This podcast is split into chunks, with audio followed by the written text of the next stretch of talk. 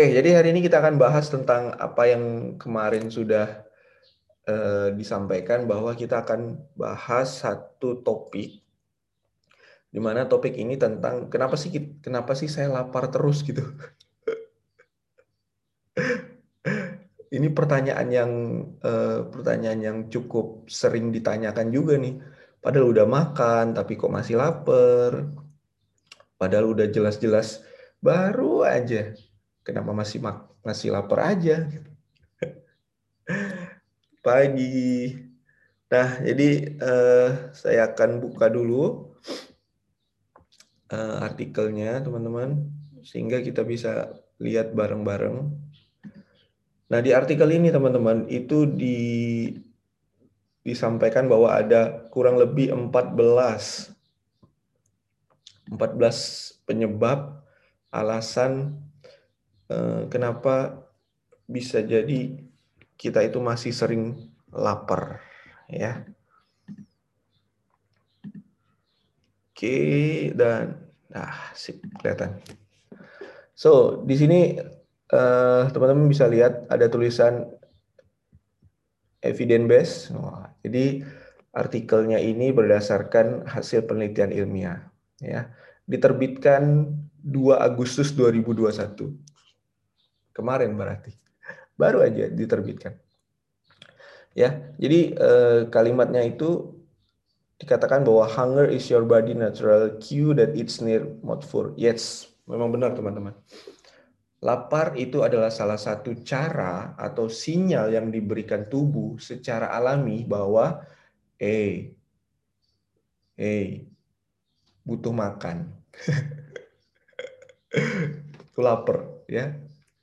Ya, dan biasanya ketika kita lapar, uh, your stomach may grow. Jadi bisa jadi nih apa perut kita itu itu seperti bunyi kalau uh, kata orang tuh kan bunyi kruyuk-kruyuk tuh. lapar and feel empty dan terasa kosong kemudian kamu juga bisa jadi mungkin uh, apa jadi sakit kepala kemudian feel irritable or be unable to concentrate ya. Jadi bisa jadi nih eh, salah satu salah satu yang timbul ketika kita lapar itu adalah perut kita keroncongan. Kemudian bisa jadi kita juga jadi sakit kepala atau kita jadi susah berkonsentrasi ya. Makanya benar tuh kata iklan-iklan tuh ya. Lu rese kalau lagi lapar ya. Memang kalau lagi lapar tuh bawaannya pengen gimana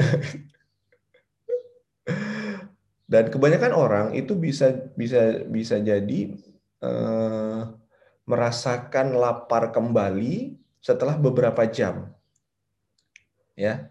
Walaupun tidak eh, tidak semua orang merasakan seperti itu. Jadi ada orang yang habis makan terus beberapa jam kemudian baru lapar, ada juga orang yang habis makan terus dua jam atau satu jam kemudian lapar lagi. Tuh betul tuh emosi tingkat tinggi. ya. Dan there are several uh, possible explanation for this, including a diet that lacks protein, fat, or fiber, as well as excessive stress or dehydrasi. Kalau habis makan terus pengen makan manis lagi, kenapa ya? Hari, hari ini kita akan bahas nih, ya pertanyaannya. Ya, jadi ada 14 14 alasan kenapa kita masih lapar padahal kita habis makan. Nomor satu adalah teman-teman kurang makan protein ya. You are not eating enough protein. Jadi eh, mengkonsumsi protein yang cukup itu adalah salah satu eh, bagian atau salah satu cara untuk mengontrol rasa pengen makan kembali ya. Protein sudah dikenal teman-teman sebagai salah satu komponen nutrisi yang bisa mengurangi rasa lapar yang menolong teman-teman, membantu teman-teman itu juga eh, membuat kenyangnya jadi lebih lama sepanjang hari, ya. Kenapa bisa bisa seperti itu? Protein itu eh, membantu tubuh kita memproduksi sinyal kenyang dan mengurangi sinyal lapar. Seperti yang teman-teman ketahui, hormon yang muncul ketika kita lapar itu adalah hormon grelin. Ya. Kemudian hormon yang muncul ketika kita kenyang adalah hormon leptin. Kedua hormon ini itu bisa distimulasi eh, kerjanya dengan bantuan yang namanya protein tadi. Jadi, kalau ada protein yang cukup, hormon grelin, yaitu hormon untuk rasa lapar, akan diturunkan produksinya dan hormon leptin yang untuk hormon rasa kenyang itu akan ditingkatkan eh, produksinya sehingga teman-teman akan merasa kenyang lebih lama. Nah, ya. Dan bisa jadi ketika protein teman-teman kurang, teman-teman akan merasa lapar yang eh, berkelanjutan padahal teman-teman udah habis makan, ya. Dari ada eh, ada penelitian di sini dinyatakan bahwa ketika orang 14 eh, di sini ada 14 pria eh, yang mengkonsumsi 25% kalorinya itu eh, dari protein, kemudian 50% kemudian 50 persennya itu dikurangi proteinnya, ternyata mereka jadi pengen makan lebih banyak teman-teman. Ya, bahkan ada juga yang mengatakan bahwa protein yang tinggi asupan protein yang tinggi itu di eh, diasumsikan atau dilaporkan dapat membuat teman-teman jadi kenyang lebih lama sepanjang hari. Ya. Dan many different food are in high protein ya. Banyak banyak sumber protein tinggi yang teman-teman bisa ambil. So it's not difficult to get enough it through your diet. Including a source of protein every meal can help pretend excessive hunger ya jadi eh, kalau teman-teman bilang protein gimana? Gimana caranya protein dapetin yang bisa protein yang tinggi? Nggak sulit nggak sulit teman-teman. Kenapa? Karena mau dia protein nabati mau dia protein hewani itu sama-sama bisa ditemukan dengan mudah sumber protein yang uh, tinggi ya. Jadi kalau teman-teman sulit kalau misalnya cari protein ini. Enggak, protein sangat mudah buat teman-teman temukan. Bahkan teman-teman yang uh, plant based, teman-teman yang vegan, teman-teman yang vegetarian itu bisa aja nemukan protein yang dari tumbuh-tumbuhan, ya protein nabati. Ambil contoh misalnya apa tuh? Aduh, saya lupa namanya tuh. Yang kacang-kacangan kacang-kacangan Jepang itu guys. Apa ya namanya ya? Edamame. Edamame proteinnya tinggi juga guys ya. Jadi kalau teman-teman bilang boleh nggak eh, gimana sih caranya biar dapetin protein? Nah, saya ini pro, saya ini plant based. Saya nggak makan hewan. Bisa nggak saya dapetin protein yang tinggi juga? Ada edamame, tofu, eh, tempe itu bisa ya Tuh, animal products such as meat, poultry, fish, and eggs contain high amount of protein. Yes, ya. Kalau hewan-hewan udah banyak contohnya, daging-dagingan, dada ayam dan segala macamnya. Bahkan protein juga ditemukan di dairy products, ya, misalnya susu, yogurt. Nah, terus di situ juga dibilang as well as a few plant-based food like legume, nuts, seed, and whole grain. Nah, jadi banyak sekali protein sumber protein yang teman-teman bisa asup. Nomor satu adalah penyebabnya karena teman-teman kurang protein. Nomor dua, teman-teman kurang tidur. Pas baru kemarin kita bahas kan kenapa tidur itu berpengaruh terhadap timbulnya rasa lapar. ya, jadi usahakan teman-teman mendapatkan cukup tidur. Kenapa? Bukan hanya tentang lapar sih. Tidur itu adalah tentang bagaimana teman-teman menjaga kondisi kebugaran tubuh teman-teman mesin aja ya mesin aja. Itu kadang teman-teman servis kadang teman-teman uh, ganti olinya kadang teman-teman istirahatkan ya. Itu adalah salah satu cara buat teman-teman menjaga agar mesin kendaraan itu awet. Nah tubuh kita juga butuh teman-teman. Jadi teman-teman usahakan untuk menjaga kualitas tidur teman-teman ya. Sleep is required. Jadi tidur itu dibutuhkan untuk bisa menjaga fungsi tubuh kita itu secara proper, secara benar. Bukan hanya eh, bukan hanya tubuh kita tapi juga otak kita, sistem daya tahan tubuh kita, bahkan eh, tidur yang cukup itu dihubungkan dengan hmm, resiko yang rendah dari beberapa penyakit yang biasa menyerang yaitu misalnya penyakit jantung dan kanker. Jadi memang eh, cukup tidur ini sangat sangat sangat sangat penting ya teman-teman. Walaupun memang ada hal-hal tertentu yang bisa membuat teman-teman untuk mm, menjadikan prioritas tidur ini bukan prioritas utama ya it's your decision tapi intinya adalah teman-teman harus manage waktu teman-teman agar bisa dapetin kualitas tidur. Ya.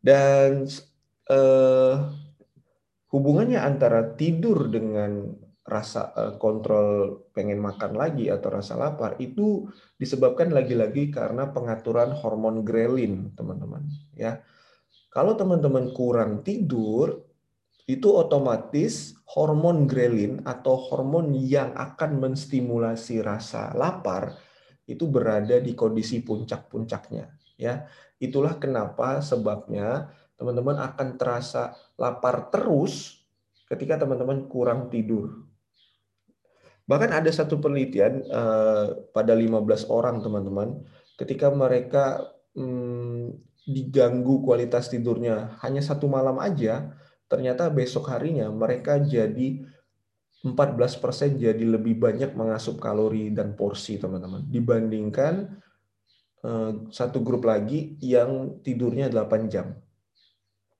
Ya. Dan cukup tidur itu juga eh, membantu teman-teman, tubuh teman-teman untuk mengatur hormon leptin. Hormon leptin, ingat hormon leptin itu adalah hormon yang bertugas untuk menstimulasi rasa kenyang. Ya. Dan to keep your hunger level well managed, it's generally recommended to get at least 8 hours of uninterrupted sleep each night. Nah, jadi direkomendasikan teman-teman kualitas tidurnya itu adalah 8 jam sehari. Ya. Jadi pastikan teman-teman cukup tidur. Nomor satu tadi kurang protein, nomor dua kurang tidur, nomor tiga apa nih? Nomor tiga adalah terlalu banyak makan karbohidrat kompleks, ya uh, permen, es krim, eh karbohidrat sederhana, permen, es krim, uh, tepung-tepungan yang kayak gitu, roti, bukan nggak boleh teman-teman, terlalu banyak, ya. Jadi kalau teman-teman bilang Sampai kapan saya nggak boleh makan roti? Lah, siapa yang melarang makan roti? makan roti boleh guys, boleh. Cuma kadang kita nih mendengar boleh nih seakan-akan bablas gitu. Padahal boleh itu adalah bebas terbatas.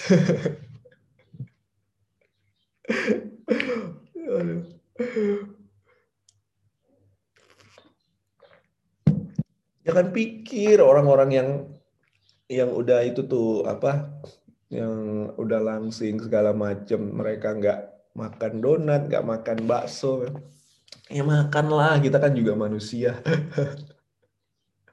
cuma kita tahu bahwa makanya itu ada ilmunya ada bebas terbatas yang nggak langsung dimakan semua ya jadi uh, refined carb have been highly processed and stripped of their fiber, vitamin, and mineral. Iya betul. Karbohidrat yang kayak gini-gini nih guys, jenis-jenis karbohidrat kayak gini nih, itu uh, sudah mengalami proses. Kemudian mereka tuh karbohidratnya itu biasanya unsur seratnya udah hilang, vitamin dan mineralnya udah nggak ada. Ya, one of the most popular sources of carb is white flour. Hmm, nih, ya, salah satu sumber sumber dari refined carb karbohidrat ini yang yang yang paling sering dan paling banyak adalah tepung-tepungan, teman-teman. Ya, dan biasanya ditemukan di roti dan pasta. Kemudian kalau di makanan biasanya ada di soda, ada di permen, bahkan di eh, apa kelompok yang dipanggang ini dan biasanya mereka terbuat dari banyak sekali gula, Makanya mereka masuk dalam kategori karbohidrat ini, teman-teman. Ya, dan karbohidrat ini itu sangat kurang serat sehingga sehingga tubuh teman-teman itu akan mencernanya sangat cepat. Inilah alasan kenapa teman-teman ketika teman-teman makan roti, ketika teman-teman makan mie, ketika teman-teman makan pasta, ketika teman-teman makan es krim, makan coklat, eh, makan makanan yang manis, itu teman-teman akan cepat lapar. Ya. Kenapa? Karena seratnya itu tidak terlalu banyak atau bahkan mungkin tidak ada, teman-teman. Ya, seratnya udah nggak ada lagi. Padahal seratlah yang bermain peran dalam membuat kenyang lebih lama, teman-teman. Ya. Dan bukan hanya itu saja, makan makanan yang seperti ini, teman-teman, karbohidrat yang kayak gini-gini, ini justru membuat gula darah tubuh kita meningkat drastis. Saya bilang meningkat drastis artinya tiba-tiba, teman-teman. Kalau meningkat secara gradual bertahap is oke, okay. tapi kalau meningkat secara drastis itu baru makan langsung jebret tinggi gitu. Nah, itu eh, akan membuat level insulin tubuh teman-teman itu juga meningkat tiba-tiba. Kenapa? Karena insulin harus kerja keras untuk segera menurunkan tekanan eh menurunkan tekanan darah, menurunkan kadar gula darah teman-teman, biar nggak teman-teman tuh diabetes gitu. Kalau tiap teman-teman makan jebret, jebret, jebret, meningkat drastis terus, itu ada potensi teman-teman bisa kena diabetes. Ya, Tuh, when a lot of insulin is released at once in response to high blood sugar, it quickly removes sugar from your blood which might lead to a sudden drop in blood sugar level, a condition known as hypoglycemia. Ya, jadi tiba-tiba naik, diturunin tiba-tiba, itu juga berpengaruh terhadap tubuh kita. Ya, dan ketika teman-teman merasakan level gula darah teman-teman menurun secara tiba-tiba juga karena tadi insulin punya kerja, otomatis akan ngasih sinyal ke otak wih, kita kurang makanan lagi nih, ayo makan lagi. Nah, itulah alasan kenapa kita selalu merasa lapar ketika kita banyak makan makanan yang mengandung karbohidrat jenis ini, teman-teman. Ya. Beda kalau teman-teman ketika teman-teman program kemarin dengan meal plan, teman-teman ngerasa, kok kenyangnya beda ya? Iya, karena teman-teman bisa perhatikan jenis-jenis karbohidrat yang teman-teman dulu pernah asup sebelum program itu udah mulai diminimalisir, udah mulai diganti buah-buahan, kalaupun snackingnya pun snackingnya udah diganti dengan uh, yogurt, kemudian udah diganti uh, snacking bar, kemudian uh, makan siangnya udah full protein, udah full serat, sehingga teman-teman ngerasa kenyang lebih lama, ya. Nah, tuh kalimat terakhirnya. Untuk mengurangi asupan karbo yang jenis-jenis kayak gini nih teman-teman, teman-teman bisa menggantinya dengan uh, makan makanan yang mengandung nutrisi tinggi, misalnya buah-buahan, sayur-sayuran, ya. Uh, makanan ini masih tinggi dengan karbohidrat, tapi mereka juga tinggi serat dan itu justru membantu teman-teman untuk mengatur uh, respon lapar dalam tubuh teman-teman. Ya, jadi tadi nomor satu, nomor satu kurang protein, nomor dua kurang tidur, nomor tiga kebanyakan makan makanan karbohidrat yang jenis eh, sederhana ini teman-teman ya. Nah, kemudian nomor empat adalah ternyata kurang asupan lemak itu justru mempengaruhi juga rasa lapar teman-teman. Tapi yang kita bicarakan di sini adalah lemak baik teman-teman ya. Jadi lemak baik ini bermain peranan yang cukup penting untuk membuat tubuh teman-teman jadi kenyang lebih lama, ya. Kenapa? Karena ketika terjadinya eh, proses pencernaan di gastrointestinal ya di lambung kemudian di usus teman-teman terjadi proses pencernaan gerakan peristaltik itu butuh waktu lama untuk mencerna dan ada uh, waktu berkala dalam tubuh teman-teman dalam sistem pencernaan teman-teman untuk membuat makanan itu diproses ya. Dan ternyata dengan makan makanan yang cukup lemak itu justru membuat tubuh teman-teman memproduksi hormon rasa kenyang lebih lama.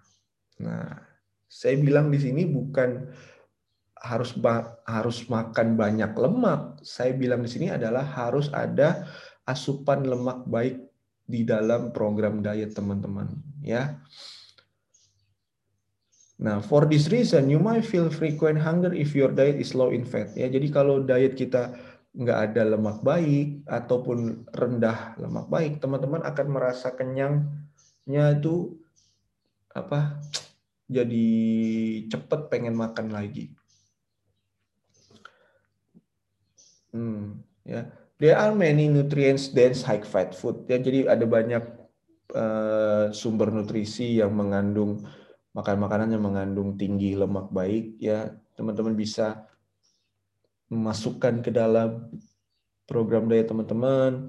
Misalnya di sini adalah ikan ikan laut, kemudian teman-teman juga bisa dapetin dari uh, almond, kemudian bisa dapat dari walnuts ya Terus teman-teman bisa juga dapat dari avocado, dari olive oil, dari telur, dari yogurt. Ya, jadi kalau teman-teman perhatikan sebenarnya justru lemak lemak baik itu eh, dapat membantu teman-teman kenyang lebih lama. Dan itulah salah satu alasan kenapa kita lebih prefer ikan laut, teman-teman. Ya, bukan nggak boleh ikan sungai. Ikan laut, ikan sungai secara makro protein, kemudian karbo atau vitamin dan mineral, it's good, sama-sama bagus. Tapi ada satu yang tidak dimiliki oleh ikan sungai. Apa itu? Lemak baik. Makanya kita pilih ikan laut. Makanya eh, disarankan kita makan makanan ikan laut, bukan nggak boleh ikan sungai. Salah satu eh, salah satu sebabnya adalah kita pengen dapetin lemak baik yang tidak ada di ikan sungai, guys. Ya. Dan teman-teman bisa perhatikan juga bahwa uh, di uh, ada yogurt, kemudian ada almond, itu adalah salah satu cara, yes, uh, salah satu cara agar tubuh kita bisa dapetin asupan lemak baik yang cukup, ya.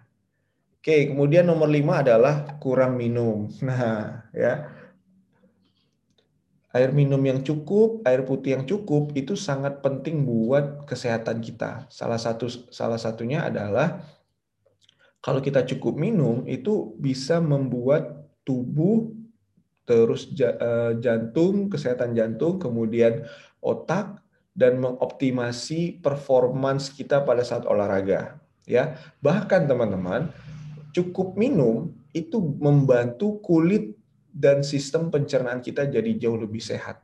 Nah, teman-teman bisa perhatiin kenapa sekarang ketika teman-teman mulai program cukup minum air putih, teman-teman merasa bahwa kesehatan kulit teman-teman tuh beda gitu. Jadi lebih jadi lebih enggak gimana ya namanya ya.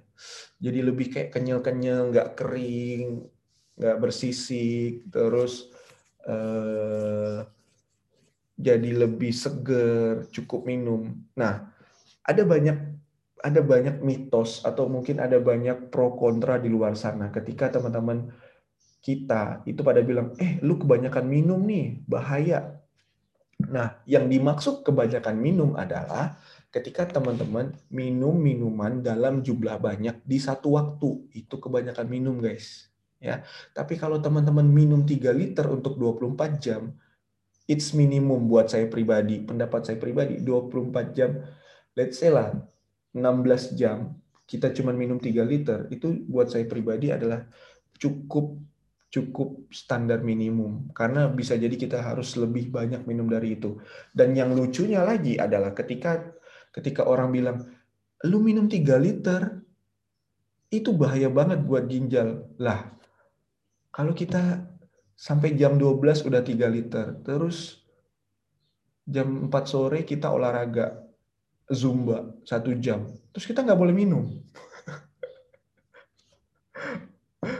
Terus ada teman kita, eh lu habis zumba satu jam kenapa nggak minum? Lah, katanya nggak boleh minum lebih dari 3 liter. Saya udah 3 liter tadi.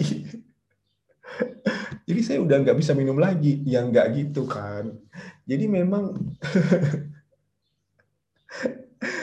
aduh, kadang tuh orang-orang tuh lucu.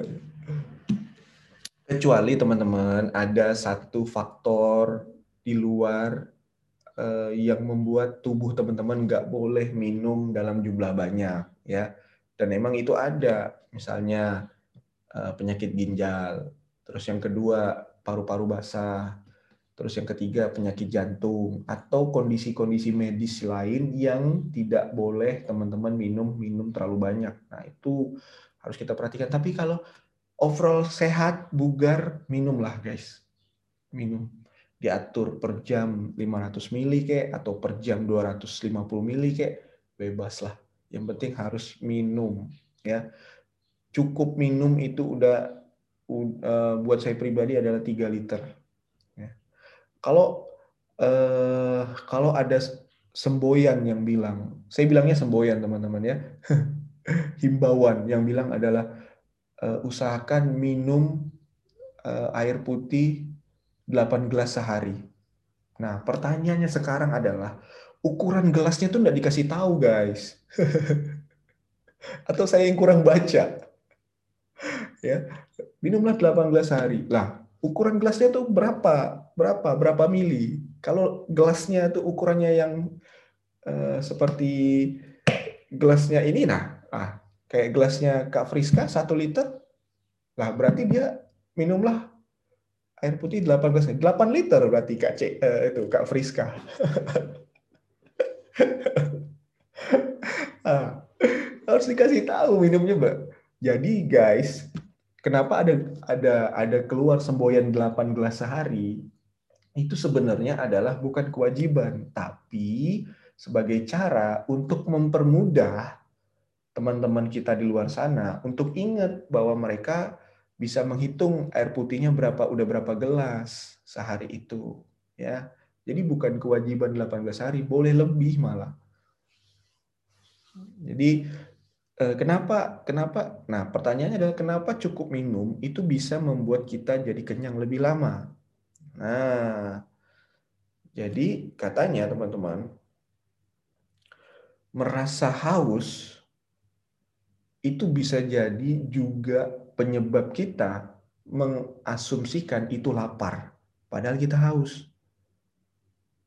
If you are always hungry, jika kamu selalu lapar, coba deh kamu minum segelas atau dua gelas air. Jangan-jangan kamu cuma haus aja. Nah, itu kata penelitiannya teman-teman ya.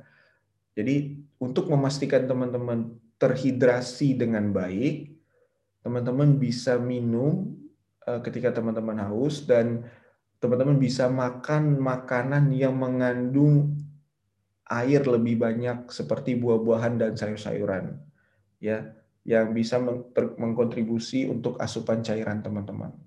Jadi seperti itu. Terus nomor 6, kurang serat. Kurang serat juga bisa membuat teman-teman jadi lapar. Ya, lapar terus kurang serat teman-teman ya consuming a lot of high fiber food jadi uh, mengkonsumsi makan makanan yang tinggi serat itu bisa membantu teman-teman jadi uh, rasa laparnya well managed ya bisa diatur dan makan makanan yang tinggi serat itu akan membuat slow your stomach emptying rate and take longer to digest than low fiber food. Jadi makan makanan yang tinggi serat ini dicerna lebih lama di dalam sistem pencernaan kita. Makanya kita jadi kenyang lebih lama, teman-teman.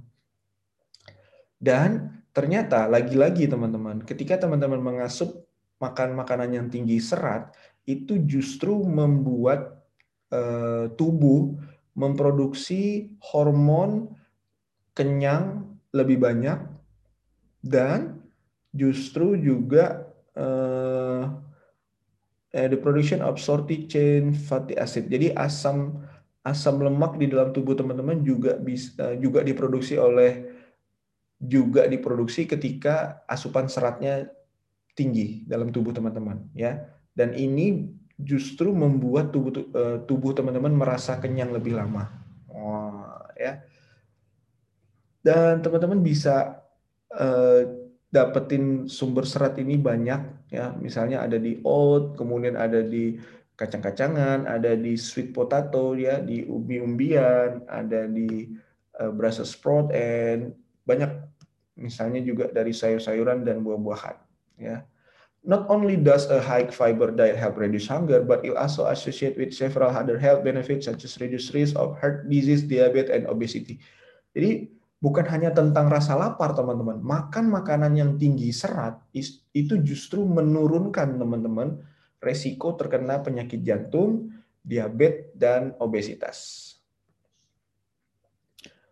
Oke, kemudian yang berikutnya adalah nomor tujuh adalah you eat while you are distract. Nah, ini yang biasanya masuk dalam kategori mindful eating, teman-teman. Ya, jadi pada saat makan, teman-teman tidak menikmati makan makanan yang teman-teman makan sambil main HP, sambil nonton TV, sambil ngerjakan yang lain, itu justru membuat tubuh teman-teman eh, gimana ya? Saya bilangnya ya. Ada satu penelitian yang pernah saya baca teman-teman bahwa untuk bisa mendapatkan rasa kenyang sampai ke otak itu butuh waktu kurang lebih 10 sampai 20 menit. Jadi habis kita makan 10 sampai 20 menit itu otak akan mendapatkan sinyal kenyang cukup. Udah udah udah udah kenyang nih. Nah, ketika kita mengerjakan banyak tugas multitasking pada saat kita makan, itu akan memperlambat proses sampainya sinyal kenyang ke otak kita sehingga kita tuh kayak eh, tadi kita udah makan belum ya jadi ini justru uh, membuat uh, teman-teman jadi pengen makan terus. Kalau teman-teman pas dah saat makan teman-teman nggak mindful eating nggak merasakan gimana uh, makanan yang masuk ke dalam tubuh teman-teman kemudian nggak ngerasa gimana kunyah dan segala macamnya. Bahkan teman-teman beberapa penelitian menunjukkan bahwa ketika teman-teman melakukan banyak kegiatan pada saat makan, ya itu justru eh, mencegah atau menimbulkan rasa tidak kenyang dalam eh, tubuh teman-teman. Ya, bahkan di sini nih 88 persen, eh 88 persen, 88 wanita ketika mereka diinstruksikan untuk makan jadi ada ada 88 wanita teman-teman. Satu satu kelompok itu makan sambil terdistrak jadi makan sambil melakukan banyak kegiatan. Satu lagi makan dengan mindful eating ya. Benar-benar makan nggak ada ngelakuin kegiatan yang lain-lain. Benar-benar hanya makan aja gitu ya. Ternyata ternyata sepanjang hari itu orang atau kelompok wanita yang makannya ini ter, eh, dengan banyak terdistraksi itu justru jadi sering lapar dibandingkan wanita yang makannya itu benar-benar makan aja. Nah, jadi bahkan nih ada penelitian lain yang bilang bahwa ketika seseorang melakukan proses makan sambil main game, kemudian sambil uh, melakukan hal-hal yang lain, main HP dan segala macamnya, itu justru akan meningkatkan pengen makan lagi 48% guys. Ya, sepanjang hari itu daripada orang yang uh, makan ya benar-benar makan, mindful eating. Makanya penting banget untuk minimizing screen time. Jadi makan ya makan gitu. Enggak nggak apa sih namanya nggak melakukan hal yang lain ya main HP buka uh, sambil nonton atau ya walaupun itu udah jadi kebiasaan tapi harus segera dikurangin guys. Ya. Nomor 8 adalah kamu terlalu banyak olahraga. Ya iyalah. Namanya juga olahraga pasti jadi jadi juga jadi cepat lapar ya. Jadi penelitian menunjukkan bahwa orang yang sering olahraga berlebihan, otomatis metabolismenya kan juga akan menghasilkan energi yang lebih banyak. Ketika energi yang lebih banyak dihasilkan, maka butuh energi yang masuk lebih banyak juga. Makanya teman-teman jadi lapar terus. Padahal tadi udah udah makan kok lapar lagi ya. Ya karena kamu habis habis angkat beban misalnya di gym 40 menit berapa repetisi misalnya. Wah, itu butuh asupan energi yang besar sehingga kamu jadi lapar terus, teman-teman. Yes. Nah, jadi intinya adalah kalau teman-teman olahraga terlalu intens dengan durasi yang lebih banyak, kemudian eh, dengan melakukan banyak hal terlalu over, maka teman-teman juga pasti akan lapar. Ya, jadi teman-teman cek lagi. Nah, yang jadi pertanyaan itu adalah udahlah nggak olahraga tapi lapar terus. itu tadi berarti jawabannya ada di atas tadi ya nggak olahraga tapi lapar terus. Terus nah ini nomor 9 kamu terlalu banyak minum alkohol. Nah, kita nggak bahas ini ya. Karena sebagian besar dari kita nggak nggak minum alkohol kan? Kemudian nah ini nomor 10 adalah you drink your calories. Jadi eh, kalau ketika teman-teman banyak mengkonsumsi liquid kalori seperti eh, SS atau minuman-minuman yang sekarang lagi ngetren, lagi happening, itu justru akan membuat teman-teman jadi cepat lapar. Kenapa? Balik lagi eh, kaitannya itu adalah dengan gula darah di tubuh yang meningkat secara drastis. Dan nomor dua adalah sistem pencernaan yang cepat. Itulah sebabnya teman-teman. Ketika teman-teman sakit, ketika teman-teman eh, sedang dalam proses recovery, tubuh teman-teman itu kan dimasukin infus, yaitu makanan yang ditransisi dalam bentuk cairan. Gula masuk dalam itu. Sehingga apa? Sehingga mudah dicerna. Nah, begitu juga ketika teman-teman mengasup minum-minuman yang tinggi kalori, liquid kalori ini cepat dicerna, cepat diserap tubuh tanpa proses pencernaan yang lebih lama, makanya teman-teman jadi cepat lapar. Ya, Kemudian eh, berikutnya lagi adalah nomor 11 stres ya.